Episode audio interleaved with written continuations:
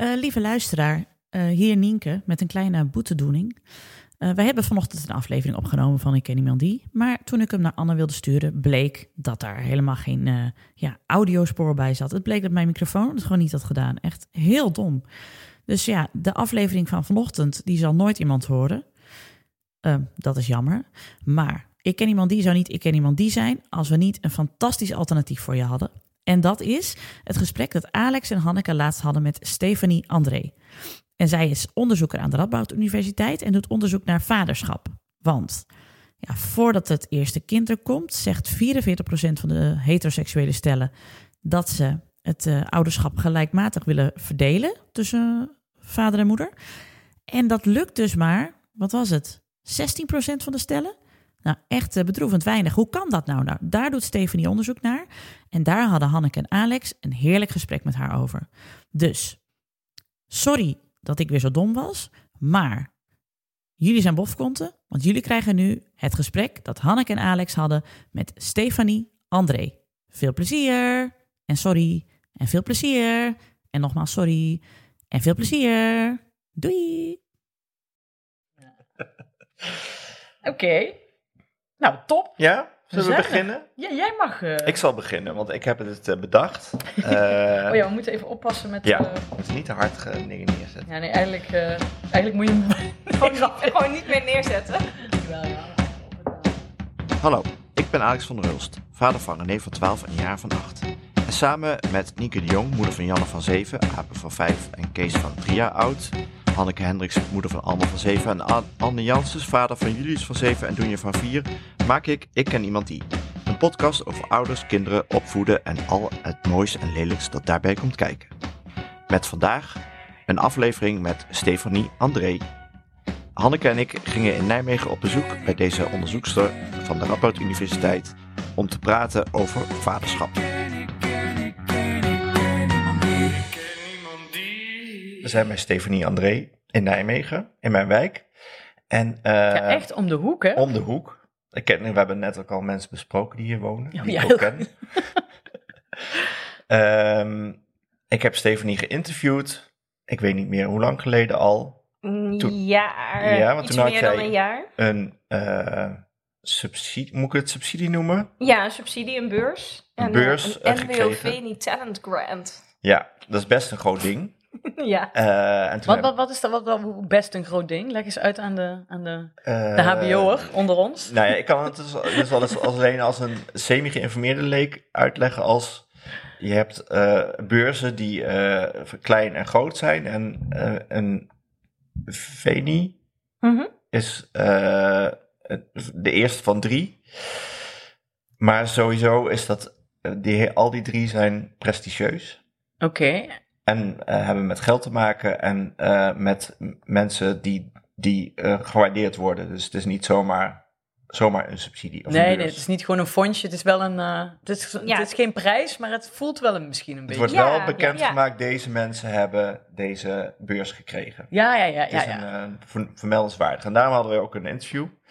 En daarna prompt ik al gelijk ook met dingen die ik zelf had meegemaakt over, eh, in jouw geval, jouw onderwerp. Vaders. Vaderschap. ja. Vaders. En toen Ja. kwamen we Ja, eruit. dat is simpel. Gewoon lekker duidelijk ook. Ja, en toen kwamen we er ook achter dat we beide in dezelfde wijk wonen en praktisch, eh, de kinderen praktisch op dezelfde school, maar niet echt op dezelfde school.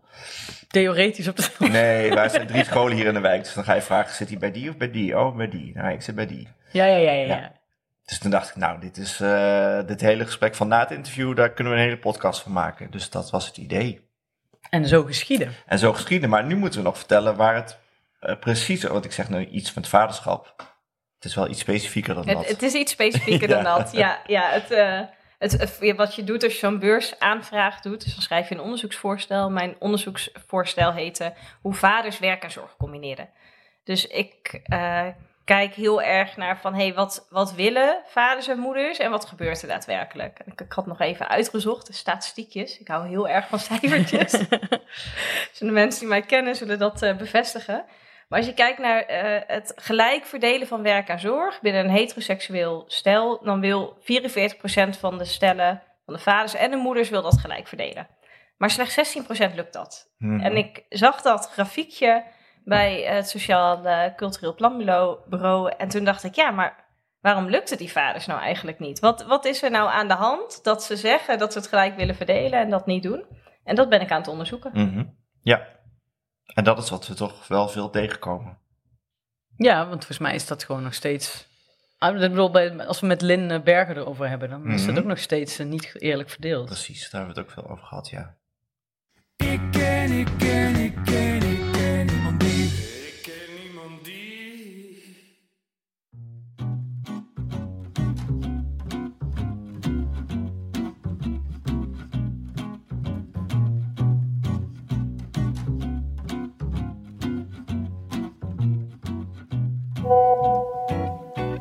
Dan is er nu even tijd voor de reclame. En tijd voor. Defcon 3! Defcon 3, Defcon 3. Alarm, alarm, Defcon 3. Ja, hallo. Nienke de Jong die gevoelsmatig eh, live in het Witte Huis zit. eh, waar de terreurtoestand eh, volledig is doorgebroken in Special Ops Lioness. En dan wel de laatste aflevering. Oh jongens, alles komt samen. Zitten jullie ook op het puntje van jullie stoel? Jongens, jongens, ik moet wel zeggen dat ik het leuk vind dat we een keer nou met z'n allen zo een soort van live iets kijken en dat dan erover gaan hebben. Dat moeten we eigenlijk vaker doen. En misschien met, eh, misschien kunnen we dat met allerlei series doen. Ik bedoel, dan heb ik tenminste een soort excuus om iets te binge-watchen. Want eh, normaal doe ik dat gewoon in mijn vrije tijd. Maar nu is het toch werk, toch? Nee, dat is zeker werk, maar leuk werk. Maar voordat we verder gaan, eh, Hanneke, als eh, Special Ops Lewin van Ik en Iemand Die, kun jij even kort, zonder dingen te verklappen, iets vertellen over de spannende finale die we allemaal los, afzonderlijk van elkaar hebben gekeken van Special Ops op Sky Showtime. Go! Oh jezus, nou even kijken, waar moeten we beginnen? Ehm, ik heb hem nou net af. Eh, nou ja, gewoon, dit is gewoon een hele intense aflevering. Eh, in deze aflevering gaat Cruz, eh, die CIA-agent dus, eh undercover naar een bruiloft in Mallorca. Nou, dat lijkt net een Nederlandse film. Nee, grapje, grapje. maar super spannend, want je voelt echt eh, dat, eh, ja, die druk die ze voelt en de risico's die ze neemt. Wat nou zo gaaf is aan Special Ops Lioness is dat... ja, het is gewoon best wel complex met die geheime missie. En het wordt echt nooit voorspelbaar. En de actiescènes, de actiescènes, die zijn super strak. En wat ik ook goed vind aan het verhaal is, het, het is slim en verrassend.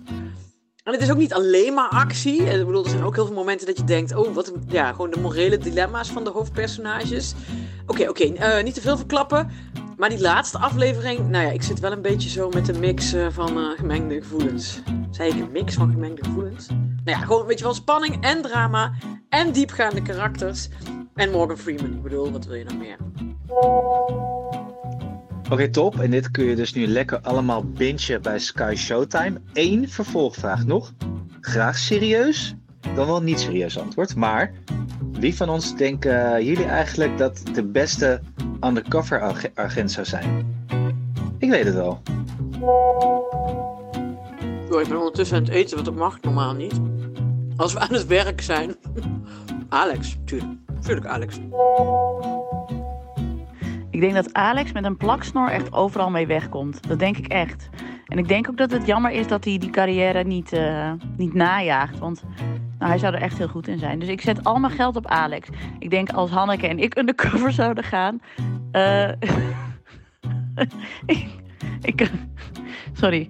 En, ja, dat vind ik gewoon, lijkt me gewoon heel grappig. Lijkt me gewoon grappig, Han. Niks te nadelen van jou, hè. Maar als wij samen dat gaan doen, dan worden we een soort ehm, Laurel en Hardy, denk ik. Oké, oké. Ik zat eigenlijk aan mezelf te denken, maar ik merk dat jullie dat niet doen. Dus Alex, nou dan ga ik ook voor Alex dan maar. Alex, oké. Alex. Alias. Alias van de Hulst, Alex. Oké. Eh, ja, Special Ops Alex van der Hulst is net begonnen. En het is nogal een mislepende aflevering, geloof ik. Ik opteer voor een volgend seizoen. Special Ops, Alex van der Hulst. Ik denk eigenlijk niet meer dat die nog komt. Nou, dan doen we het zonder Alex. Eh, ga naar Sky Showtime en kijk Special Ops Lioness. Neem een abonnement, 6,99 euro per maand. En dan kun je 7 dagen gratis een beetje. Eh, en kijk dan daarna nog even lekker door. Doei! De egel heeft de parkeergarage verlaten. Ik herhaal. De egel heeft de parkeergarage verlaten. Oh shit, verkeerde appgroep. Ik ken, ik ken, ik ken, ik ken niemand die. Ik ken niemand die. Ik, eh, ik zei net tegen mijn man die net in de keuken stond, zei ik, ja, er stond een leuk artikel in de Volkskrant, volgens mij eh, vorige week, eh, over eh, waarom eh, kinderen altijd hun moeder roepen en niet hun vader als er iets aan de hand is. En de specialist die daar veel van weet, ik geloof dat het een pedagoog was, die zei, ja, het is gewoon aangeleerd gedrag. Ja. Ja, moeders reageren sneller dan vaders. Nou, dat herken ik bij ons thuis inderdaad ook. Als er wordt geroepen, dan denk ik gelijk, ah, de, ik moet iets doen. En mijn man die denkt, nou ja, als er echt iets ergs aan de hand is, dan komen ze wel naar me toe. ja, dat is ook zo. En eh, dat is eigenlijk een hele goede houding. Dat is eigenlijk hartstikke handig, want dan kunnen ze dingen ook, eh, ook zelf op gaan lossen. Ja. Maar zo zitten er meer van die automatismes in. Eh, een van de dingen die ik volgens mij toen ook noemde eh, naar jou, Alex, is dat als er iets is op school, wordt bijna altijd de Mhm. moeder gebeld. En Ja. ik vroeg me echt af, hoe hoe komt dat nou? En ons jongste is nu ook net naar school. En toen merkte ik, wie gaat het formulier invullen? Ja, dat ging ik doen. Dus ik zei van, nou weet je wat? Ga jij dat maar eens doen. Ga jij dat formulier invullen? Want dan zet je je eigen naam bovenaan. Dus nu bij de jongste hebben we de vader bovenaan gezet en moeder onderaan. Dus ouder 1 en ouder 2. En toen was ik inderdaad benieuwd van, ja, zou je dan iemand anders gaan bellen?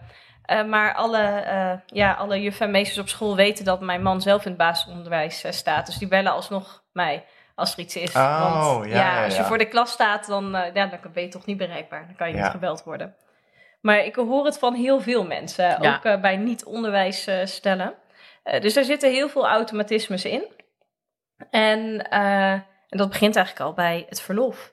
Op het moment dat je als vrouw zwanger bent en gaat bevallen, eh, dan kan je nou, een week of 16 thuis blijven, ehm, volledig doorbetaald. Nou, voor mannen was het natuurlijk twee dagen, is het ondertussen vijf dagen volledig doorbetaald en dan vijf weken tegen 70% Maar dat zijn hele andere startposities eh, waar je vanuit gaat. En ik was toch ook wel benieuwd, en misschien kan jij daar antwoord op geven, Alex, hè? als vader, als enige Mhm. vader hier aan tafel op dit moment. Eh, als je het hebt over dat, dat streven naar werkzorggelijkheid en dat het niet lukt, vraag me altijd af, ja, maar willen ze vaders het eigenlijk niet? Dus liegen ze in zo'n enquête die wordt gehouden? Of, of doen ze het eigenlijk wel, maar zien wij dat niet? Of is het zo, Wat natuurlijk volgens Alex het geval is. of is het zo dat ze het heel graag willen, eh, zoals ze zeggen, maar dat het niet lukt? Dat, eh, eh, dat bijvoorbeeld de, de organisatie of de omgeving een soort van belemmerende factor is daarin. Dat, dat is eigenlijk wat ik probeer te onderzoeken. Ja, dus ik ben ja. benieuwd, kun jij mij een eerste antwoord geven Ja, voor mijn onderzoeksproject? Alex. Ik denk dat ze het willen, maar eh, niet de moeite ervoor willen doen. Dat het daarop neerkomt. En dat heb ik recent gemerkt. Eh, mijn vriendin heeft een nieuwe baan en gaat daardoor meer werken. In ieder geval eh, sowieso tijdelijk, omdat ze dus in between jobs dus twee halve banen heeft. En omdat ze de laatste tijd meer eh, flexibeler was, een oude baan, kon ik altijd, konden we altijd wel iets regelen als ik er niet, niet was. En nu moet er dus meer geregeld worden. En eh, merk ik, ik vind het wel irritant eigenlijk. Ja, dat werd altijd voor je opgelost. Precies, dat werd altijd opgelost. en nu moet ik dus zelf meewerken aan die oplossing. En ik, ik, eh, ja, ik vind het irritant, merk ik. Heel eerlijk gezegd. En, is ook irritant. Ja, Ja, ik en ik denk dat mannen willen van... eh, ik wil best dat mijn eh, vrouw eh, of partner net zoveel werkt en net zoveel zorgt als ik. Maar ik wil daar niet alle moeite voor doen eigenlijk. Ik wil daar niet over hoeven nadenken. Precies. Dat is het meer. Ik Als ik dan gewoon een lijstje kan is. openen en dat daar staat alles wat ik moet doen, en dan hoef ik verder niet. eh is toch de mental workload. Ja, Ja, nou ben ik daar heel gevoelig voor. Ik word helemaal gek als ik dingen moet regelen. Ik ben de slechtste regelaar ooit. En producent zit in mijn hoofd en daar heb ik stress van. En dan ja, Ja. ja, Maar ja, als je het vaker doet, dan krijg je ook minder stress. zou ook kunnen. ja oefening. eh, ja. oefening, lijstjes maken. ja. Of nu in de agenda kijken. ja, precies. ja, want dat is zo. Dat doe ik ook heel vaak. Bij ons thuis nog wel eens zo. eh, Oh ja, nou goed, je zei het inderdaad net. Ja, jij wist het wat in de agenda stond en hij wist niet wat in de agenda Ja, stond. klopt. Ja, dat is inderdaad van. Ik zei, ja, je moeder komt morgen toch? Ja. Ga kijken naar de wedstrijd eh, van, eh, van onze zoon. Oh, jij wist dat wel, was zijn reactie. Ik zei, ja, het staat ook al op het weekschema. Ja, Ja. Al hadden wij eh, woensdag het omgekeerde. Doris sprong ineens op en eh, die zei, nou, ik ga vergaderen. Ik zo. Wat? hoezo? Want hij, hij doet altijd, hij brengt altijd allemaal naar bed. En ik, ik ben chef eh, keuken, hij is chef naar bed brengen, Ja. zeg maar. Eh, en ik zo, hè, wat? Want ik lag al op de bank. Ik dacht, ik heb helemaal geen zin om om acht uur op te staan om allemaal naar bed te brengen.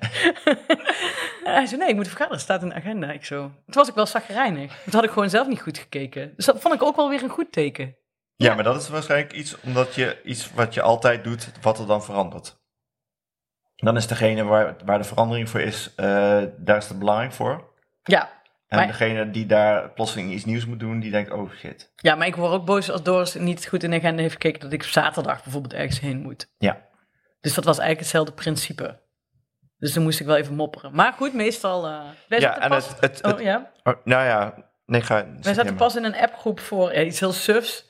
Voor het eh, meehelpen met. eh, nee, het ging een appgroep over een groepje voor Halloween. Voor Mhm. Sint Maarten. Hm? Ja. Zeven kinderen. Gaan jullie Sint Maarten lopen in Bergharen? Zeker. Dan komen wij langs. Mogen wij mee? Je moet, oh, je moet jezelf opgeven. Dat kan. ja, je kunt ook wel. Ja, ik zei net al, ik ben Gronings. In, in Groningen is Sint Maarten echt het grote feest. Ik mis het echt dat, dat, niet hier, eh, Oh, dat je hier geen Sint Maarten kan lopen. In Ja, dat kan hier Ik stuur je wel even een linkje Ja, door. Ik, je ik wil in die appgroep. Ja. Helma, eh, de pedicure, die echt fantastisch is, die organiseert het allemaal. Maar goed, hoe dan ook. Wij zaten dus met alle moeders in een appgroep. Erachter komen dat wij allemaal meehielpen met die, met die tocht. Met schminken, met dinges. Dus ze zei, ja, oh nee, maar dan kan eh, die wel lopen. Ja, en dan zeg ik ook, ja, Doris kan volgens mij wel lopen met de kinderen. Ja, die kan ook wel lopen met de kinderen. Op een gegeven moment ik zo, waarom zitten hier alleen vrouwen in die groep? Terwijl we, terwijl Ja. we, ehm, terwijl die mannen die, die nu die, die gaan meelopen. En toen zijn we inderdaad ook, moest iedereen lachen. En toen inderdaad zag je allemaal die vaders zo erin komen. En ondertussen gingen ook de merendeel van de moeders er weer uit. Ja, maar dat is wel inderdaad ook een reflex. De meest- de meeste kinderfeestjes waarbij er blijkbaar een groep wordt aangemaakt, want dat hoor ik Ja. dan pas achteraf, daar zit ik dus niet in. Ja, ik heb nu Oh, ook... heb jij die foto's niet gehad van dat Nee. feestje? En Ja, ik weet ook ja. niet waar het is, waar ik je kinderen moet ophalen of weg heen brengen. Dus oh, maar die app is al een week eh, druk. Ik heb mij daar nu ook schuldig aan gemaakt. Ik heb geen appgroep aangemaakt voor het feestje van Alma, maar ik heb wel alle moeders geappt. En toen dacht ik, ja, dan moet ik eigenlijk... Als ik alleen de vaders app, is dat gek. Want ik spreek zelf aan, bij het schoolhek sta ik eerder met die moeders te ouwehoeren dan met die vaders. Maar ik merk dat ook, ik heb het daar laatst over gehad. Ik zei van ja, ik merk dat ik ook inderdaad de moeders uitnodig. Als ik een groepsapp maak, probeer ik de vaders er ook in te stoppen als ik die in mijn telefoon heb.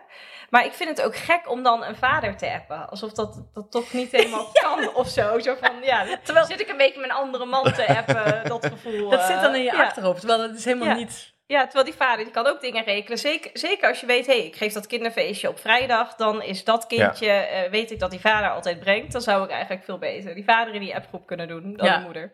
Ja. Nou ja, en, en wat je net zei over dat reageren, dat geldt ook voor zo'n app. Dat zie ik in de klasse-app. Er zijn voornamelijk moeders die reageren en eh, vragen stellen en waar andere moeders weer op reageren. En mannen zijn ook redelijk slim, want als je niet reageert hoef je ook niets te, te doen. Ja. Die houden zich een beetje afzijdig dan. Hm. Ja, ik vind dat best wel een fijne strategie. Ik doe dat nu ook steeds vaker. Afzijdig eh, houden. Ja, Ja, absoluut niet op mijn werk. dus precies. En, eh, En meestal ja, als het dan alsnog nodig is, kan ik alsnog zeggen: Oh ja, maar ik kan wel. eh, ja, bij de, bij de noodkreet eh, reageer ik ook pas meestal. Als ik zie, oh, het is niet geregeld en er moet nog iemand luisterkammen. Nou, dan reageer ik wel als ik gewoon kan. Ja. ja, ik heb gewoon één clubje. Waar ik de school, de hal versierclub.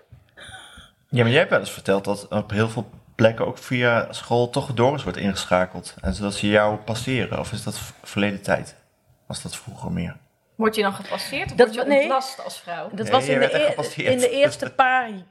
Op de kleuterschool, ja, omdat Doris komt uit Bergharen. Dus dat was makkelijker vaak voor die juf. Die kleuterjuf had Doris ook nog in de klas gehad. Dus die vroeg dan eerder aan Doris, wil jij even Ah, ja. komen vertellen? Daarbij is een, is een dokter die met een stethoscoop in de klas komt luisteren natuurlijk wel... Ja, veel leuker dan iemand die zegt, ja, ik zit de hele dag achter mijn computer. Ja, ik ga ook nooit naar de vertel over je werkdag. eh. ik dacht van, ja, wat ben je dan? Ja, ik ben wetenschapper. Oké, waar is je witte jas? Ja, ja, die heb ik niet. Ik zit de hele dag eigenlijk achter mijn computer. En ik praat heel veel met mensen. En op dit moment dus heel veel met vaders. Ja. Over wat, eh, wat vaderschap nou, eh, nou inhoudt. Nou ja, het, tweede wel. ding wat ik net nog wilde zeggen over waarom eh, mannen, waarom het niet gelijk loopt, is wa- waarom ik het zelf ook lastig vond. Als ik zat te rekenen, wat natuurlijk niet moet gelden misschien. Ik zat te rekenen. Ik zeg, ja, ik dacht, als ik nou minder werk, eh, verdienen we eh, toch echt minder dan wanneer Cynthia minder werkt. Dus ik heb, ja, Maar ik ben wel ZZP'er, maar mijn uurtarief is dan natuurlijk daardoor weer wat hoger. Maar Ja. onder, onder de streep zou het eh, financieel het beste zijn als ik het meest zou werken. Ja, en dat, is- dat is in, bij de meeste stellen is Ja. dat het geval. eh, dat, er is natuurlijk een ongelijkheid in het inkomen van mannen en vrouwen. Er is natuurlijk net eh, weer een grote studie uitgebracht dat de gender pay gap, dus het verschil in inkomen tussen mannen en vrouwen, die verder overal gelijk op zijn, dat die groter is geworden dan wat het was. Groter, ja. En eh, daarnaast zie je dat vrouwen heel veel in eh, sectoren werken waarin veel andere vrouwen werken. Het onderwijs en de zorg. En dat zijn meestal ook de sectoren die minder goed betaald worden. Mhm. Eh, al moet ik zeggen dat met de laatste CAO-verhoging in het onderwijs dat wel weer, weer echt verbeterd is. Als ik kijk naar mijn man die in het primair onderwijs werkt en ik op de universiteit, ja, er zit een, eh, een hele grote pay gap, maar richting mijn man. Ja. Ja, en dat maakt wel uit bij het uitrekenen. Ik doe bijvoorbeeld ook veel onderzoek bij basisschooldocenten. We hebben een groot project gedraaid in eh, Rotterdam bij de, de RKVO, de Rooms-Katholieke Stichting voor Onderwijs. Mhm. Of RVKO. Nou, de grote stichting in Rotterdam. Het spijt me, mevrouw Zwaan, dat ik het eh, even niet goed uit weet te spreken nu. Ehm, eh, met de vraag inderdaad van, hey, hoe zou je, hoe zou, waarom ben je parttime gaan werken? Welke overwegingen zitten daarin? En wat zou de organisatie kunnen doen om jou meer uren te laten werken? En dan horen we toch ook heel veel terug van, ja, we hebben het gewoon uitgerekend. En een eh, dag eh, extra werken en daar kinderopvang voor afnemen... Zeker als jouw eh, kinderen nog inderdaad tot vier zijn. Dat is gewoon duurder dan wat je overhoudt aan het Mhm. eind van de dag. Als ik die dag voor de klas sta. Ja. Of het levert heel weinig op. En, en dat is natuurlijk best wel lastig. En ook dat komt weer door die gender pay gap. Want de prijs van de kinderopvang, of eigenlijk de hoeveelheid toeslag die je krijgt, is afhankelijk van je gezamenlijk inkomen. Dus als de man meer verdient en de vrouw die verdient wat minder, maar dan heb je samen een, een relatief hoog salaris, dan, eh, dan is die kinderopvang op een gegeven moment duurder dan, eh, dan wat je verdient. Plus je moet die kinderopvang maar zien te krijgen. Mhm. En we hebben in Nederland echt heel erg het idee dat, eh, ja, dat moeders thuis horen te Mhm. zijn. Eh, dat je als vrouw met jonge kinderen eigenlijk niet zou moeten werken of maximaal drie dagen. Dat het niet goed is voor een kind om meer dan drie dagen naar de opvang te gaan. Dus dat speelt daar allemaal heel erg in mee. eh, in hoe wij eh, ook kijken naar het moederschap en daarmee eigenlijk indirect naar het vaderschap. Mhm. Maar dat vind ik ook wel grappig, want ik ben nu eigenlijk allemaal dingen over moeders aan het zeggen, terwijl ik een vaderschapsonderzoek heb. En dat is ook precies, ja, maar dat is, ja, het hangt natuurlijk heel erg samen, maar dat is ook precies waarom ik eh, dit onderzoek ben gaan doen. Omdat ik dacht van, al het onderzoek gaat over moeders. Mhm. En, en wat, wat zijn die vaders dan? Zijn dat soort van afwezige figuren aan de zijkant, eh, waarvan we eigenlijk alleen het inkomen meetellen als het gaat om wat voor keuzes maken in werk en zorg. En er werd in mijn ogen te weinig gevraagd van, ja, wat willen vaders nou?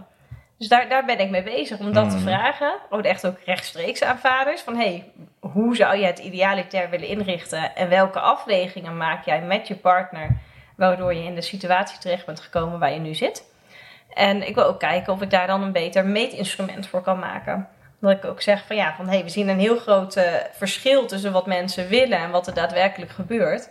Maar dat komt misschien voor een deel ook door hoe we het meten. Mhm. Dus Ja. daar ben ik heel erg mee bezig. Van wat voor vragen moet je nou eigenlijk stellen om die werkzorgambitie van vaders helder te krijgen? Ja, Want eh, om het nog, nog weer even over moeders te hebben. eh, het maakt wel heel veel uit eh, als je eh, eh, deeltijd gaat werken of, of stopt met werken eh, tijdelijk voor je latere loopbaan, heb Ja. ik begrepen. Ja, En dus mm, zorgt dat dan ook ervoor dat die kloof groter wordt als die mannen 32 uur of 40 uur blijven doorwerken, dat ze tien jaar daarna veel meer verdienen dan een vrouw die misschien parttime heeft gewerkt of een tijdje eruit is geweest? nee, dat is dus nog los van die kloof. Dus je zou kunnen zeggen dat je een bruto en een netto kloof hebt. Ja. En de netto kloof gaat echt puur om een man en een vrouw van gelijke Mhm. leeftijd, gelijke werkervaring, gelijke functie. Mhm. En dan het verschil Ja. tussen die lonen. En dan wordt er bijvoorbeeld eens gezegd, ja, mannen onderhandelen beter. Eh, en daarom hebben ze een, eh, een hoger loon. Daarnaast heb je ook nog een soort van bruto verschil, als ik dat zo mag zeggen. Ik moet erbij zeggen, ik ben geen expert op het gebied van eh, inkomensgaps. ik, ik weet er best wel wat vanaf. Eh, maar dan krijg je dus ook nog dat vrouwen vaker parttime werken. Als je parttime werkt, is het moeilijker om carrière te maken, om hoger op te komen, bijvoorbeeld in een leidinggevende functie. En eh, daar komt een deel zeg maar, van die bruto pay gap vandaan. Maar die pay gap studies die gaan echt over eh, twee mensen die verder Mhm. helemaal gelijk zijn, behalve hun gender, seksen, zouden we in het Nederlands moeten zeggen. Ja, Ja, maar later krijg je dus een soort dubbelop, die kloof.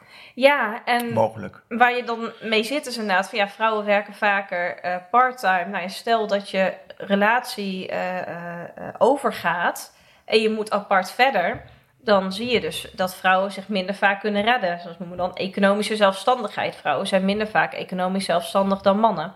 Nou ja, je, hebt bijvoorbeeld- je hebt een koophuis, je inkomen gaat door de helft. En omdat vrouwen, nou, weet het niet precies, maar 40% van het huishoudinkomen hebben en mannen 60%, verlies je dus nog meer.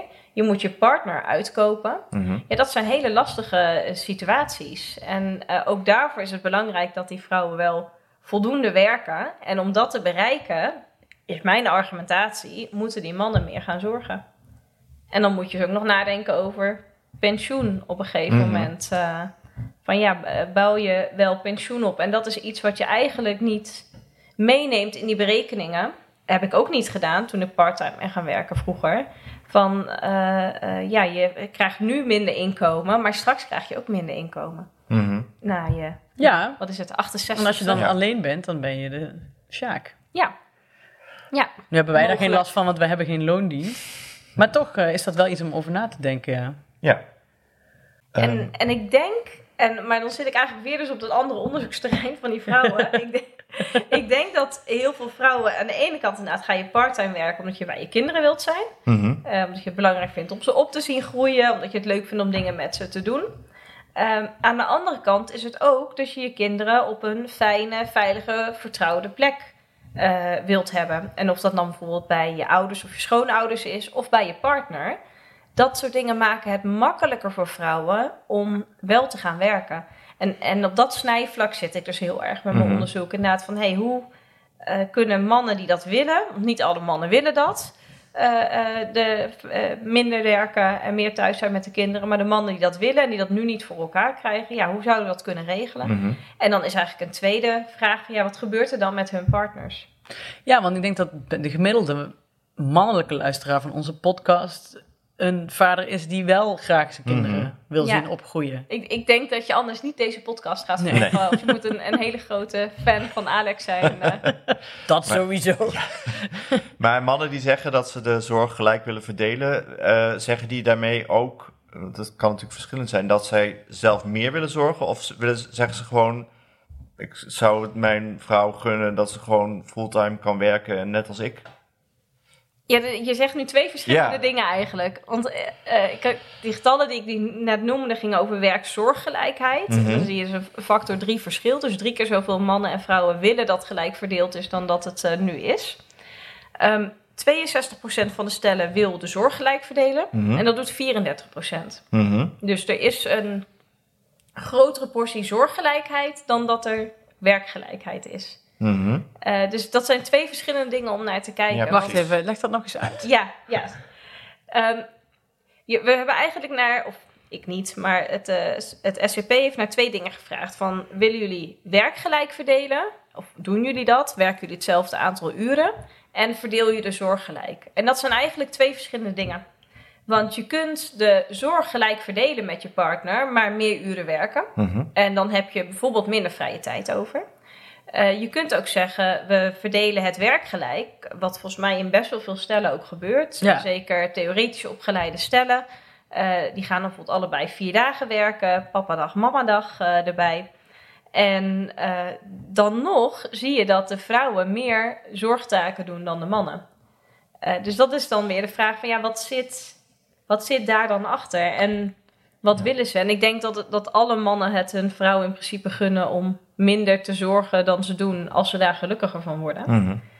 Ehm, maar ja, dan, dan they need to step up, zeg maar. Nee, Dan moet er soms ja. ook wel, wel iets gebeuren. En, en ehm, een van de belemmerende factoren die ik heel erg terugzie... is inderdaad hoe er op het werk naar gekeken wordt.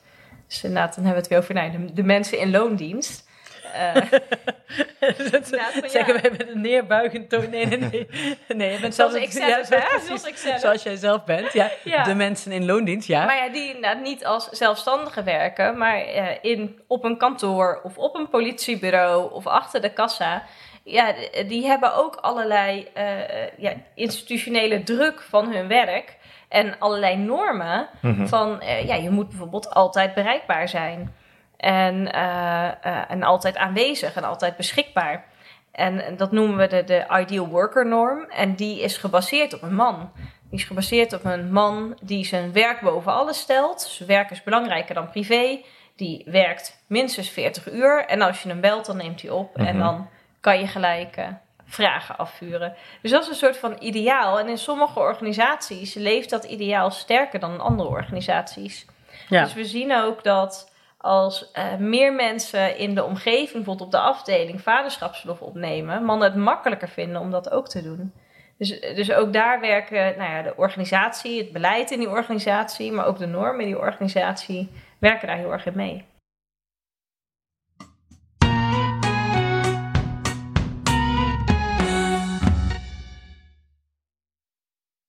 Ja, want dat is al vanaf het, dat, een startpunt inderdaad. Van, Mhm. Startpunt als je een kind krijgt. Want ik weet nog dat ik met Doris op een gegeven moment had. Het was een beetje gekscherend over, want we hebben maar één, maar één kind. Doris vindt dat ook heel irritant als ik dat zeg. we hebben één kind en ik, eh, we hadden het over, over een tweede. En ik wilde eigenlijk geen tweede. En Doris wel. En toen heb ik eigenlijk gekscherend gezegd: Nou ja, oké, ik wil dat wel. Als jij twaalf weken thuis blijft als eh, het kind geboren is. Toen zei hij, ja, maar ja, is goed, ja, is goed. Maar later hadden we het over. Zei hij, ja, nou, ik weet eigenlijk niet of ik wel drie maanden van mijn werk kan weg. Drie maanden, Ja. Ja, ik- en jij zegt, ga ik kan. Of ik drie maanden van mijn werk kan, wegblijven. Maar gaat het om kan of gaat het om wil? Eh, ja, nou, als je je eigen praktijk hebt, ja. Dat, maar dat is natuurlijk Ja. bij... eh, Maar dat is ook een financiële beslissing, Mhm. hè? Inderdaad. Je hebt dan voor drie maanden vervanging nodig. ja, en ik zou, hij zou dat wel... Stel dat ik dat zou eisen, zou hij dat wel doen, denk ik. Dat weet ik eigenlijk niet. Maar ik zei ook, ik heb daar namelijk zelf ook geen zin in. Ik heb geen zin meer om, eh, om, eh, om, om twaalf weken te tutten. Ja, Ja, dat klinkt zo stom, maar dat is... Nou, wat ik ook heel erg zie is, eh, en dat is wel een van de, nou ja, de vernieuwende punten van mijn onderzoek, is dat heel veel van het onderzoek wordt gedaan bij vaders van baby's en peuters. Dus inderdaad van nou, tot vier. Daar hebben we heel veel onderzoek naar. En dan wordt er gevraagd of schoon je wel eens luiers, lees je wel eens een boekje voor, speel je met je kind op de grond. Dat zijn dan de, Dat is... Dat, de vragen die gesteld worden. En ik zeg inderdaad van ja, maar het gaat volgens mij echt in ieder geval tot 12. En ondertussen heb ik eigenlijk al door, ja, die grens van 12 van mij, dat is ook bizar. Want juist na 12 hebben kinderen eh, ook hun vader heel erg nodig in, eh, in voorbeeld. Dus nou, dan zie je dat je jezelf ontwikkelt in de ideeën die je erover hebt. Ehm, en ik heb bijvoorbeeld op eh, In Science gestaan eh, eh, dit jaar. Een filmfestival. Ja, film, eh, filmfestival met wetenschapsfilms. En in de bibliotheek hadden ze allemaal wetenschappers staan waar je proefjes kon doen. Dus de meeste eh, kinderen gingen naar de witte lapjassen toe, waar je met eh, bietensap en azijn kleurtjes kon maken. je moet toch ook gewoon een witte jas Ja, aanschaffen? Ja, dat denk ik ook. Ik, ik, heb, ik heb een witte jas eh, eh, nodig. En, eh, eh, maar ik heb daar ook heel veel met kinderen gepraat over, eh, met de vraag met de ouders erbij. Van nee, als papa een dag met jou thuis is, wat doet papa dan met jou? En als Ja. mama een dag met jou thuis is, wat doet mama met jou? Want ik dacht, dat kinderperspectief, dat heb je eigenlijk nodig. Ik kan het aan ouders vragen wat ze doen. Maar kinderen weten dat, dat veel beter. En ik vond dat echt heel leuk om te Wat merken. kwam daaruit? Ja, dat er, nou ja, sowieso hè, de selecte populatie. Allemaal theoretisch geschoolde eh, ja. ouders die daar meededen. En die dan met hun kind naar de bibliotheek kwamen Mhm. op het moment dat er een wetenschapsfestival was. Ja, precies. Maar je hebt toch, dan een maar- soort, eh, hoe heet dat, confirmation bias? Nee, wat is dat? Nee, ik weet niet. Ja, selection bias. Selection bias Ja, bedoel ik, ja. Wat erg. Dus, eh, eh, dus dat is een volgende stap om dat eh, wat verder uit te gaan breiden. Maar wat ik heel leuk vond om te zien, is eh, dingen die kinderen noemden die ze met hun vader deden. Waren bijvoorbeeld inderdaad eh, nou ja, de meer standaard dingen, zoals eh, buiten voetballen, veel buiten spelen, eh, naar het museum en eh, koken. Mhm. Heel veel eh, kinderen gaven aan, ja, ik kook vaak met papa het avondeten. En dat vond ik echt heel grappig. Dat had ik helemaal niet bedacht van tevoren. Zou ik niet in mijn lijstje hebben opgenomen anders. Met dingen die ik aan vader zou willen vragen. En bij moeders had je toch veel meer inderdaad met knutselen, taarten bakken. en ook naar buiten, kastanjes zoeken. En, eh, en uiteindelijk is de conclusie van, ja, er zijn wel dingen die zijn meer typisch vaderachtig en meer typisch moederachtig. Maar er zijn best wel veel moeders die typisch vaderachtige dingen doen. Mhm. En best wel veel vaders die typisch moederachtige dingen doen. Dus ik heb ook een, er was ook een stel die zei inderdaad van ja, die zei die eh, moeder, ja, ik knutsel niet hoor. Ja, nee, dat doet hij. Hij zit de hele dag met haar te knutselen met wc-rolletjes en, en papier en dit en dat. Ehm, dus we moeten ook daarin wat uit onze Mhm. stereotype gedachten, denk ik, komen. Ja, heb jij het idee dat dat al aan het... Want ik merkte, want ik zit dus in die halve vier groep. Ja. En er was een groep eigenlijk voor ons. Mhm. En die vonden knutselen inderdaad heel leuk. En die gingen dan zelf allemaal halve vier dingen knutselen. Maar wij zitten nou met de stel moeders in die groep. Die zijn allemaal... Wij werken allemaal 40 uur in de week. Dus op een gegeven moment... ik zo Sylvia... Die heeft een eigen, ook een eigen bedrijf. Die is echt fantastisch. Ja, we hebben nou... De ander heeft een boerderij. Ja, we hebben maar geen tijd om te lopen knutselen. We kopen wel wat. Weet je, is er budget? Maar toen dacht ik ook... Is dat... Is dit toeval of is het nou ook? Want op zich zie je bij ons bij het schoolhek vaak wel evenveel vaders als moeders staan. Terwijl ik woon wel gewoon in een dorp, dorp. Maar ja, ik weet niet of dat nu aan het veranderen is of dat het toeval is. Nou, het, het, is, het is ook aan het veranderen. Als ik terugdenk aan toen ik klein was. Ja, Mhm. En, en ik heb tot mijn tiende op het Gronings platteland gewoond. En eh, daarna in Groningen stad. Eh, eh, toen was, zeker op het platteland, was mijn vader was de enige vader die ophaalde, zeg maar, ongeveer. Nou ja, soms sommige boeren ook. Als die vrouw dan echt weg was, dan kwamen ze wel even met de trekker hun kind ophalen. Ehm, en in de stad was dat al anders. Daar waren al meer vaders. Maar als ik nu kijk naar schoolpleinen, ook als ik nou ja, vanuit hier naar de universiteit fiets, dan kom ik langs verschillende scholen. Dan denk ik dat het best wel eh, richting 50-50 aan het gaan is. Eh, dat er ook, er, er werken steeds meer vrouwen, zeg maar echt de huisvrouw die gewoon echt fulltime thuis is met zijn kinderen. En Nee. die komt steeds minder voor. Mhm. Dus vaders moeten ook wel. En moeders werken ook steeds meer in beroepen. Waarbij je ook gewoon om half negen ergens moet zijn op locatie. En dan moet je dat met elkaar verdelen. En ik denk dat die gesprekken steeds beter op gang komen. Eh, van Ja, alleen- niet automatisch, ik werk alleen maar als de kinderen onderdak zijn. Maar inderdaad van, hé, hey, wat kan jij doen? Wat kan ik doen? Ja, alleen je hebt dus nog wel het punt, eh, wat je net zei, wat we ook met Lin toen hebben besproken, van zodra er een noodgeval is of een, iets anders, wordt de, de vrouw gevraagd. Die, eh, die dan eh, naast, eventueel als het werk gelijk verdeeld is dus, de zorgtaken erbij krijgt. Ja. En dat hebben we met Lin ook besproken, dat dat ook geldt voor mantelzorg. Voor Ja. zorg voor je eigen ouders of ja, en, en schoonouders. En schoonouders, waarbij het ook Ja. nog vaak een beroep op de vrouw wordt gedaan. Ja, ook omdat eh dus nog steeds het idee is in Nederland dat vrouwen beter zijn. En overal denk ik hoor, in de meeste landen. Vrouwen zijn beter in zorgen dan mannen. Dat je dat van nature kan. Dat je die, eh, die drang misschien ook veel meer hebt om Of dat de te druk. doen. Ja, Dat Nou je ja, denkt, ik het, ben- het en komt- daardoor wordt er druk op je Ja. uitgeoefend. Ja, want de mantelzorg is... Oh, ik heb het ineens deze aflevering heel veel over Doris. nou, gaat ook over vaders. mag. Het gaat over vaders, hè? Maar hij zei ook dat, eh, dat als hij eh, aan de hand heeft met dat er mantelzorg voor iemand moet, hij zegt hij is altijd de oudste dochter. Of vaak de oudste schoondochter. Maar dat komt ook Die door de, de- die de leiding dan neemt. Ja, het komt ook een beetje door de generatie eh, Ja, van dat- onze ouders. dat is Want misschien wat mijn moeder heeft ook de neiging soms nog. Ja, dan moet ik eh, Cynthia voor vragen. Ik zeg, maar waarom dan? En Cynthia zegt dan ook van, waarom bel je mij nou? Ja, dat, dat moet jij toch doen? Ik zeg, nou, dat kan ik ook Nee. doen. Ja. Maar het is wel de generatie die denkt van, ja, dat moet een eh, vrouw doen. Dat Ja. moet ik niet, eh, niet mijn zoon voor vragen. Nee. Ja, Wat ik raar vind, maar goed, ja, zo, zo redeneert ze dan. jij denkt dan, oh prima. Nee, want Cynthia gaat het niet doen Nee, natuurlijk. nee. Die zegt het is niet mijn moeder. Nee, nee, precies. Ja, dat is interessant, ja. Ja. Dus Ja, die ik- zorgtaken inderdaad. Ja, dus die zorgtaken. Nou, ik zit daarbij gelijk twee dingen te denken. Eh, eh, mijn man werkt zo in het basisonderwijs. En die zegt ook altijd van, ja, ik zie wie 's ochtends het kind brengt. Dus die Mhm. bel ik ook. Ja. En we hebben thuis natuurlijk heel vaak van dit soort gesprekken over gendergelijkheid. En Ja. wie doet wat en eh, wat komt eruit mijn onderzoek. Zij zegt het ook van, ja, als ik zie dat de vader 's ochtends brengt, dan brengt de vader. En ik zag nu bij ons op school op de formulieren staan eh, eh, of je je werkdagen wilde aangeven. Oh ja, dat is wel slim. Eh, dat ik dacht van, oh, dat is ook handig. Want dan weet je ook inderdaad wie, wie kun je bellen. Maar mijn kinderen zijn daarin ook hartstikke slim. Mijn zoon die was een keer, ja, was niet lekker, een beetje ziekig. En die zei tegen de juf, ja, papa en mama bellen. Wel opa maar, want opa mag alles. Die komt wel. Die komt wel. Die komt wel. Toen zei de juf, ja, opa staat niet op het formulier met noodnummers. Nou, probeer dan oma maar. en eh, mijn moeder belde mij inderdaad van, ja, ik werd gebeld door school. Mogen wij slag inderdaad opladen? Ik zei, ja hoor, als hij, eh, als hij zich niet goed voelt, dan eh, haal hem lekker op. Geen probleem. Jij zo Maar nou die ook had, opgelost. Ja, ook opgelost inderdaad. Ik, ik stond op die Erasmuslaan. Ik denk, ja, ik ben nu bijna op mijn werk. Heel fijn eh, als jullie dat op willen lossen. Ja. Ja. Ja. Oh, wat grappig. ja. Ja, die kinderen kunnen daar inderdaad ook misbruik van maken. Maar dat is sowieso, ja. Ja. Met ziek zijn. Maar dat geheel terzijde. Ik heb Alma pas ook nog echt weten te counteren. Ja, Nee, je ik had een ziekte hebben. Buikpijn, hoofdpijn. Ik zeg, oké, oké. Ik zeg, eh, wat, wat zou je, wat je aller, aller, allerliefste zou willen ontbijten? Maakt niet uit wat. Ik maak het. Zei ze, Dan ga je wel naar school. zei ze nee, nee, dat zei ik er nog niet bij. Ik tosti met, eh, en zei ze, tosti met iets, met een verrassing. Dat bedoelt ze snoep. Dus ik Kijk. dacht, prima. Dus ik tosti gebakken snoep erbij gelegd. En dat ging allemaal erin. Toen dacht ik, die is niet ziek.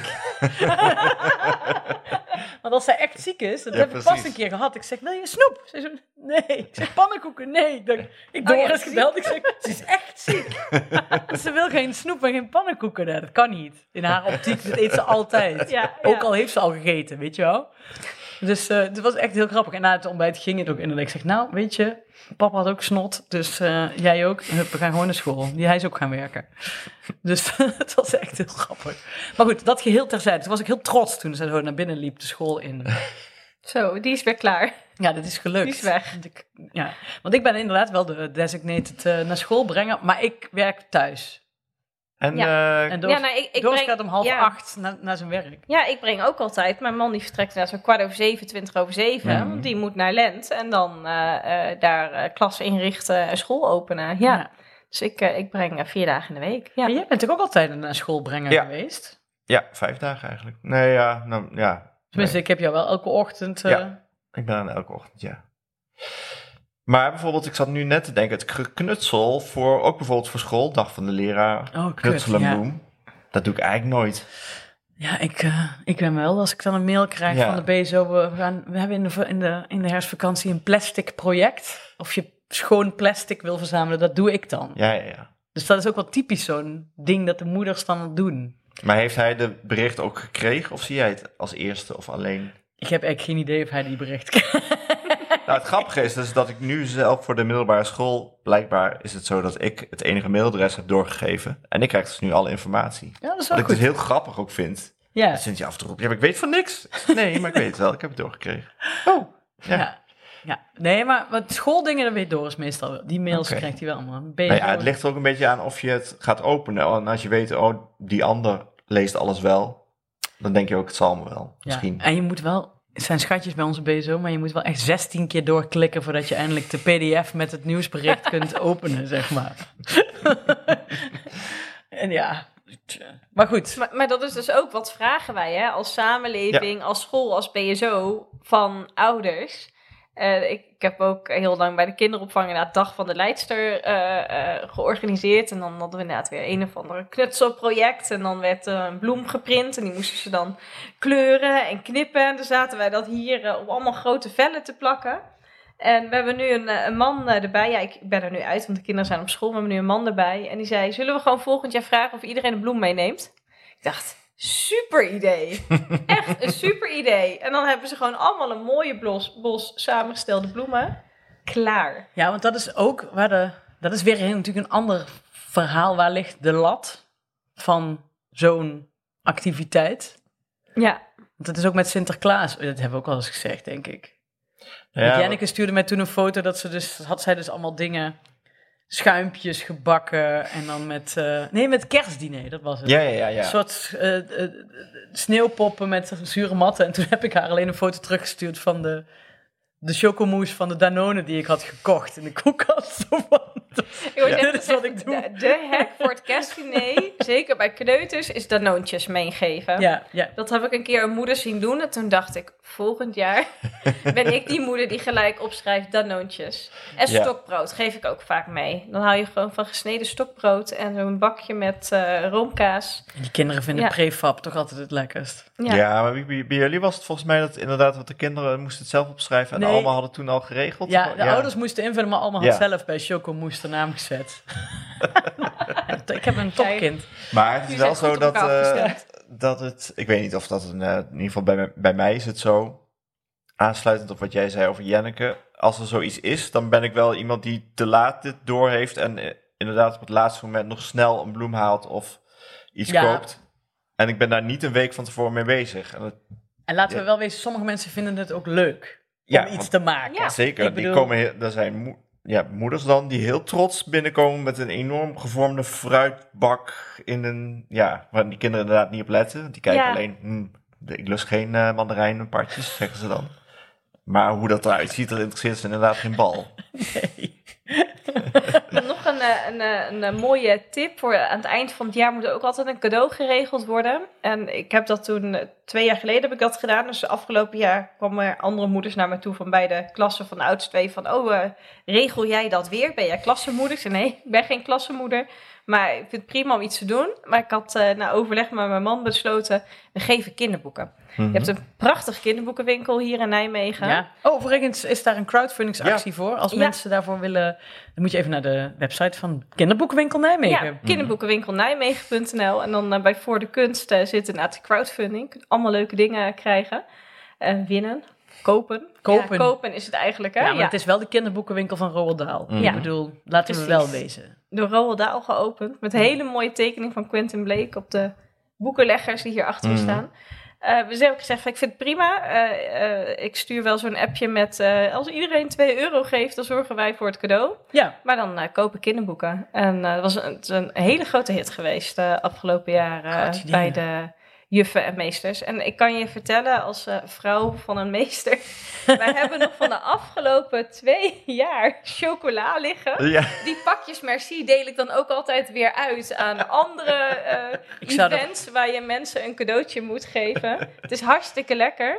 Maar eh, met kinderboeken maak je eh, zeker juffen en meesters ook heel erg blij. ja, want ik zou dat ook allemaal zelf opvreten, al die chocolade. Dat zou weer een ramp zijn als ik, de hele, als ik het eind van je het mag jaar... niet eh, het onderwijs inhalen. Nee, alleen al daarom word ik nog dikker. Ja, wij hadden wel eh, laatst ook weer, was iets bedacht, ook voor een docent, leraar. En toen gingen anderen het moeilijker maken. Ik dacht, ja, eh, Kunnen Ja. we niet ook nog? nee, ja, laten we dit doen. Dan, maar dan moet iedereen een foto van het kind maken met een tekst en dan maken we dat erin. En dan denk ik, ja, oké, ja, goed. Eh, Ik vind soms een WhatsAppje doorsturen voor tussen twee groepen al ingewikkeld, te veel van mijn tijd kosten. En dan vergeet ik het. Dan krijg ik op mijn donder. ja, Dat is wel een hele lage lat qua, qua energie insteken. Dat is het wel bij Doris en mij. We liggen wel redelijk op één lijn qua... maar dat is ook inderdaad wel misschien wel interessant. Want ik had ook de, ik had de enige huisvader bij ons in het dorp. Dus bij mij is het wel... En die, Ja. verder was het wel... Ik bedoel... eh, maar hoe was het voor hem? Heeft hij daar iets over verteld? Hoe, die, hoe er op hem werd gereageerd? Nee, mijn vader zei nooit iets. Nee, nou, ik heb wel, die zul jij ongetwijfeld kennen, eh, een paar keer Vincent Duindam gesproken, die Mhm. ook eh, over zijn vaderschap in de jaren tachtig heeft geschreven. Nou ja, die, die werd echt, ja, die werd voor, voor gek aangezien dat daar stond op dat schoolplein. Oh, zo ja. Nee, maar dat, nee, want wij liepen zelf naar school. Ja, ja. Ik heb, ben nooit gebracht door mijn ouders. Dan ben ik ook zo dacht, eenzaam. Het zal wel Nee. wel. Ja, nee, maar, eh, nee, maar die kan heel goed, ko- kon heel goed koken, mijn vader. Ja. Dus ik kreeg tussen de middag wel altijd pannenkoeken, gebakken eigen of weet ik veel. Maar ik denk wel eens dat het daardoor komt dat ik ehm, maar aan sommige eh, culturele of sociale standaarden, Ja, dat ik, mij daar, dat ik mij daar Conventies. niet, Ja. conventies, dat ik mij daar niet in herken. Ja, precies. Maar ik vind het wel heel leuk dat je dit nu zegt. Daar wil ik graag op aanhaken. Het is een van de, de extra projecten die ik nu aan het doen ben. Samen met Nola Camus, een van mijn eh, eh, onderzoekers. Goede Sorry, achternaam Nola, trouwens. Ja. Niet mijn. Een van de onderzoekers op het project.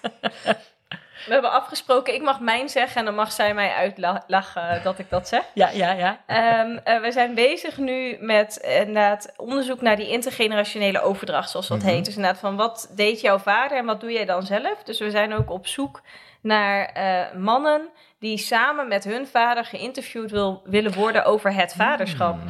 En hoe dat is veranderd eigenlijk in de jaren. Hoe, ze, hoe die vaders daar vroeger naar keken. Hoe die mannen daar nu zelf Wat naar leuk. kijken. En dat kunnen mannen met en zonder kinderen zijn. En, en mijn, mijn grote idee, je ook over een boek hebt... ik zou heel graag ooit een, een boek schrijven...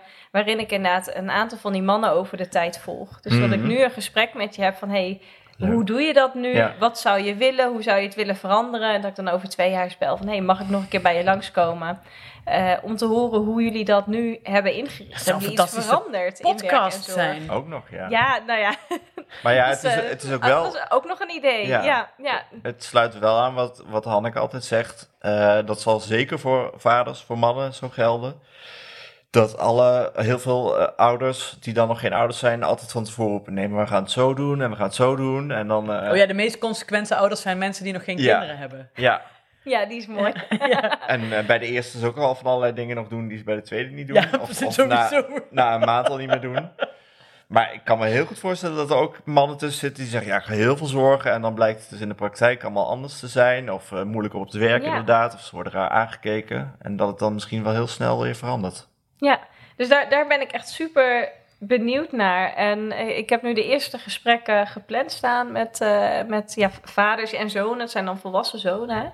En eh, om die verhalen te horen over... Hey, hoe was dat nou vroeger? Wat voor vader was jouw vader? Wat voor vader wil je zelf zijn? En, en wat zijn dan je rolmodellen Mhm. daarin? Dus als ik dat nu, even als oefening, want ik heb nog nooit zo'n eh, interview eh, nu in het echt gedaan. De eerste staan nu gepland. Ik zal iedereen ook naar de podcast verwijzen. Maar Alex, als, je, als jij denkt aan wie zijn jouw rolmodellen voor jouw vaderschap, kijk je dan, kijk je dan naar Nee. iemand, naar je omgeving, naar je vrienden, naar je Alex, vader, naar je Alex moeder? kijkt nu super verwacht. En angstig ook. Misschien is Hanneke je rolmodel. Nee, wel. Doris dat is inderdaad mijn rol- rolmodel. Ja, Doris do- neemt wel veel zorgtaken. Ehm, niet, niet meer dan ja, evenveel als jij. Of als ik. Ja, Eh, nee, ik weet het. Ik, ik, ik, ik, kijk- ik, denk, ik denk dat ik. eh, ze- heb ik naar mijn vader gekeken? Nee. Eh, ik de- heb wel heel vaak gedacht. Ja, mijn vader is al overleden, maar eh, wel zes jaar nadat de eerste was geboren. Ehm, mm, volgens mij heb ik hem wel eens wat gevraagd hoe hij dat deed. Maar ik keek, ja, hij was ook. eh, het was geen zorgvader. Hij was wel veel thuis, want hij was ook een leraar. Maar hij bracht ons niet naar school en hij haalde ons ook niet op. Omdat mijn moeder gewoon thuis was, die werkte niet. Dus daardoor heb ik niet echt een rolmodel als vader. Nee, dat denk ik niet. Kijk, ik ben wel heel benieuwd vaak hoe andere vaders het doen.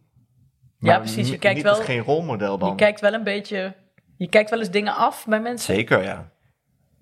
En soms denk ik ook, oh gelukkig ben ik zo niet. Ja, dat is altijd fijn om te denken. Nou, misschien denk ik dat wel het meeste. Van, dit wil ik niet. dit wil ik Ja, niet, denk ik wel Dit vaak, wil ik ja. niet zijn. Ja, Ook niet al weet ik niet of dat, eh, dat, dat beslis ik dan, hè. Dat, ik heb, een- weet niet hoe het daar gaat. Maar eh, ik denk dat het goed is om er veel te zijn. maar Dat weet ik ook niet. Je kunt ook, kun je ook een vrouw als rolmodel hebben? Ja, zeker. Ook, Ja. ook vaak, ja. Ja, Want eh, ik weet dat mijn broer bijvoorbeeld... Ja, kijk, nu mijn vader, nu die dood is af te vallen. Mijn vader was wel, net zoals ik, degene die na het eten... gewoon met de krant in de leunstoel gaat zitten. Ik wil dat ook. Daarom was ik ook zo geërgerd dat ik ineens allemaal naar bed moest brengen. Omdat ik denk, ben ik Je heb zat mijn NRC net, net opengeslagen. weet je wel? net de pijp gestopt. Net de pijpjes op naast de kachel ook. Eh, eh, maar die heeft wel toen gedacht van, ik ga wel echt spelen. ja, Nu is mijn broer ook echt niet de, hoe zeg je dat, spelende mens. maar wel dat hij dat, hij doet dat wel juist omdat hij dat zelf heeft gemist. Dat zijn vader niet ging voetballen met hem in het park. Gaat hij nou wel met die kinderen naar de speeltuin en dingen doen? Dus dat is dan ook een soort Ja. anti-voorbeeld. ja klopt. Zo'n anti-rolmodel. eh, ja. Mhm. Ja, dus da- daar zijn we naar aan het zoeken. Inderdaad, van hey, hoe, hoe zit dat voor mannen? En misschien verwacht ik dit nu. Want ik, ik kijk bijvoorbeeld heel erg inderdaad naar mijn moeder Mhm. eh, als rolmodel. Inderdaad, als van, van hoe je- doe je dat met werk en een gezin met drie kinderen en je ideeën over een carrière. Eh, maar misschien is dat voor mannen wel heel anders, omdat het vaderschap zo aan het veranderen is. En ik ben ook heel erg benieuwd naar hoe die vaders het nu misschien anders of hetzelfde zouden doen. Mhm. En, en dit idee is ontstaan toen we waren op vakantie en ik had het idee al een tijdje in mijn hoofd. En ik sprak toen met een eh, dominee en zijn vrouw uit Friesland. Die hadden drie volwassen zonen. Toen heb ik gezegd van ja, dit is echt iets wat ik zou willen onderzoeken. Dus ik heb met hun eigenlijk al zo'n interview gehouden. Ja, ja, ja. Over inderdaad van, eh, ja, wat voor vader was je eigenlijk vroeger? En als je daar nu op terugkijkt, zou je dat misschien anders willen doen? En hoe zou beleid je daar heel erg in kunnen helpen? Eh, ik roep altijd te pas en te onpas. We moeten gewoon zes weken, minstens zes weken, volledig doorbetaald vaderschapsverlof hebben. Ja, Mhm. sowieso. Niks, niks 70% Want dan zie je dat het inderdaad de theoretische scholen zijn die het opnemen. Want die dat, kunnen dat inkomensverschil missen. En bij de praktisch geschoolde beroepen zie je dat ze dat inkomensverschil helemaal niet goed kunnen missen. En die normen zijn sowieso al anders. Ja. Dus daar is de grootste eh, slag te slaan. En dat vond ik zo interessant om daar met die mensen over te hebben. En eh, ik, ik ga ze ook nog interviewen voor het project. heb ik afgesproken dat ik naar Friesland eh, afreis eh, daarvoor. Maar toen zei ik, ja, daar krijg je nooit geld voor, voor zoiets. Want dat is heel risicovol om dan te Mhm. zeggen, ik ga ooit een boek eh, schrijven. Maar het is, ja, het is me nu toch eh, gelukt met, een- met een, een kleine beurs, Ah, een ja. eh, XS-beurs. eh. Dan Dan dus kun je nog dan- een nieuwe beurs. Of is dat niet? ja, ja, nee, Ja. dat is een, een nieuwe, een nieuwe dus, beurs. Ja. dus niet eens de prestigieuze beurs, maar nog een gewone beurs. Nee, maar gewoon een, een kleintje Een om kleintje. dit eh, project uit te voeren. Waarmee ik dus nu één jaar een onderzoeker kan betalen om dat, eh, dat met mij te doen. Dus dat, ja, dat is gewoon ontzettend leuk. En, je moet dat eh, echt opnemen, die gesprekken. Ik wil Ja. dat wel horen. Ja, nou ja, ik neem ze allemaal op en dan schrijf ik ze helemaal uit. Transcriberen Mhm. heet dat. En dan na twee weken vernietig ik de data. Want zo heb ik dat Oh, in, ja, de- in, in Oh. Anders gaan ze natuurlijk eh, beter zich voordoen dan dat ze eigenlijk misschien hebben gedaan. Ja, en, en je wilt toch anonimiteit. Dus Ja. uiteindelijk komt iedereen onder een pseudoniem Ja, ja, ja, ja. in een artikel te staan. Nee, Dus we gaan dat- eerst wetenschappelijke artikelen erover schrijven. Over inderdaad rolmodellen. Van wie zijn nou de rolmodellen voor vaders? En over van hoe kunnen we nou zorgen dat het beleid beter werkt. Want we hebben heel mooi vaderschapsbeleid. Ook met dank aan de Europese Unie. Die dat doorgedrukt heeft. Van hey, alle lidstaten moeten dit gewoon gaan aanbieden. En er moet meer gelijkheid komen. En meer work-life balance voor mensen. Ook voor vaders. En eh, dan op de lange termijn, dus daar gaan we artikelen over schrijven. En op de lange termijn hopelijk eh, zo'n boek. En dan ja, voor het, voor het grote publiek, zeg maar, eh, po- populair wetenschappelijk, ja, is, top. mijn, Maar nu is mijn even- idee Wat me daarbij. net binnenvalt, dus ik heb er even vijf minuten over nagedacht, is dat ik, eh, en dat heb ik heel vaak, eh, is dat ik juist heel veel rolmodellen gemist heb, merk ik nu. Eh, die hebben gedaan wat ik zou willen doen. Want ik heb heel vaak Mhm. gedacht bij iemand die iets leuks deed of iets gaafs, wat ik dacht, oh, dat zou ik ook wel willen doen. Die heeft iets gemaakt of geleerd, waar heel veel tijd in is gaan zitten. En toen ik eenmaal kinderen had, dacht ik, ja, dat kan dus niet ik kan dit niet combineren met die kinderen en ik wil ze zien en ik wil erbij zijn en ik wil dus dat bij ons de zorg goed verdeeld is. Eh, maar dan kan ik dit dus niet. Nee, je bent niet, hoe heet die, Brand Korsjes die de deur dicht trok. Precies. Terwijl, ze, terwijl Aaf en eh, Jelle Nee, maar zo, in de heb je, keuken zaten te wachten tot hij klaar was na 16 uur. ja, zo heb je dus heel veel, eh, veel voorbeelden. Maar wat dus niet zo zou hoeven zijn. Want je hebt het natuurlijk ook altijd in de, in de, in de zorg gehad. Of bij, de, bij doktoren hoor je altijd van ja, dat kan allemaal niet part-time. Terwijl je natuurlijk wel af en toe de vraag kan stellen, hoezo kan dat niet part-time? Ja, en tegenwoordig werken juist heel veel artsen ook part-time. Ja, Ja, Maar goed, er zijn natuurlijk heel veel beroepen geweest en misschien nog steeds wel, waarin die norm oftewel ofwel uitgesproken wordt of niet uitgesproken, maar Ja. wel zo gedacht wordt. Ja, ik, ik had een heel mooi voorbeeld daarvan. Eh zijn eh, een collega slash vriendin van mij, die vertelde dat. Is ook een wetenschapper. En haar man die is, ik hoop dat ik het goed zeg, is kraanmachinist. En toen- Kraanmachinist. Ja, en toen eh, eh, daar... Lastig eh, als je kind ziek is. ja, nee, moet je naar beneden komen. Ja. Maar dat, dat ze ook zei van ja, nee, hij, hij wil eigenlijk graag meer thuis zijn. Dus hij had bedacht van ja, ik wil drie dagen werken. En dan twee dagen thuis met kind. Ja, nee, dat kon niet. Dat kon echt niet. En toen had hij met een andere man geregeld van we werken allebei drie Mhm. dagen. Dus dan is er ook overdracht op zo'n bouwproject. Dus doen we de woensdag doen we samen. De een doet maandag tot woensdag, de ander woensdag tot vrijdag. Is die kraan altijd bemand? Dus nee, nee, dat kan niet. Terwijl ze hadden alles geregeld, eigenlijk alle tegenargumenten weggehaald. Ja. En toen kon het niet. En toen mag zeggen, ja, dan verander ik van baan. Ja. En, en dat is wel iets wat ik wel heel eh, interessant vind ook. Ehm, als je, wat wij heel erg naar kijken vaak bij wetenschappers, hè, is de beroepen waar je makkelijk toegang toe hebt. De mensen die Ja. enquêtes invullen. Ja. die naar de biep komen Mhm. met hun kind. En die ga je dan vragen stellen. Die een podcast bij je opkomen nemen. Die in principe kunnen zeggen, oh ik heb een ziek kind thuis, maar ik werk vanuit huis vandaag. Sinds corona is dat Ja. helemaal makkelijk. Ja, Ja, die die ligt nou kunnen toch voor de tv, werken. ik eh, doe het wel even zo. Maar dat kan als kraanmachinist natuurlijk Nee, niet. en ik ben zo benieuwd eh, eh, wat, eh, ja, wat mannen en vrouwen ook eigenlijk zo, die- daar ook helemaal niet uit moeten sluiten, maar wat mensen in die praktische beroepen nodig hebben om dat te doen. Ook als Ja. je het hebt over het operationele werk bij de politie. Mhm. Als je kijkt naar de bouw, daar zijn gigantische tekorten. En dat komt vooral door de uitstroom. Ja. De instroom in de bouw is vrij prima, maar de uitstroom is ontzettend hoog. En ik heb daar wel eens met eh, een, een groot bouwbedrijf over gesproken. Van, hey, zouden we dan niet onderzoek bij jullie kunnen doen? Want eh, wij hebben wel ideeën daarover. En ja, ja, nee, heel belangrijk, heel belangrijk. Maar nee, er was de tijd inderdaad nog niet rijp voor dat we konden gaan praten over nou ja, organisatorische normen, over eh, nou ja, ideale werknemer, over parttime werken, Mhm. over een betere werk-privé-balans. Ja, nee, dat was, eh, dat was te moeilijk. En daarvoor is het dan blijkbaar het personeelstekort dan eh, nog niet urgent genoeg. Maar dat is wel iets waar, waar, ik, ja, waar ik heen zou willen. Dus ik heb ook samen met mijn collega Peter Kruijen nu een voorstel geschreven. Van ja, we zouden onderzoek willen doen naar die praktisch geschoolde werknemers. En hoe kunnen we hun helpen naar een betere werk-privé-balans. En voor de mannen die dat willen, meer zorgen. En mannen die dat niet willen, prima hè. Ja, ja, ja. Mag je helemaal, eh, helemaal zelf weten. Ja. Dat was hem weer. Dank aan mijn vaste tafelgenoten Hanneke Hendricks, Anne Janssens en Nieke de Jong. De productie was in handen van Anne Janssens. De montage is in dit geval gedaan door de getalenteerde Hanneke Hendricks. Mocht je ons iets willen vertellen, heb je een tip of een vraag of een opmerking, kom dan naar onze Vriend van de Show pagina. Voor een klein bedrag kun je Vriend van de Show worden, waardoor je ons de gelegenheid geeft om nog meer mooie afleveringen te maken. Op Instagram heten we ik ken iemand die en ons mailadres is ik@dagenacht.nl. Dank voor het luisteren en tot de volgende keer.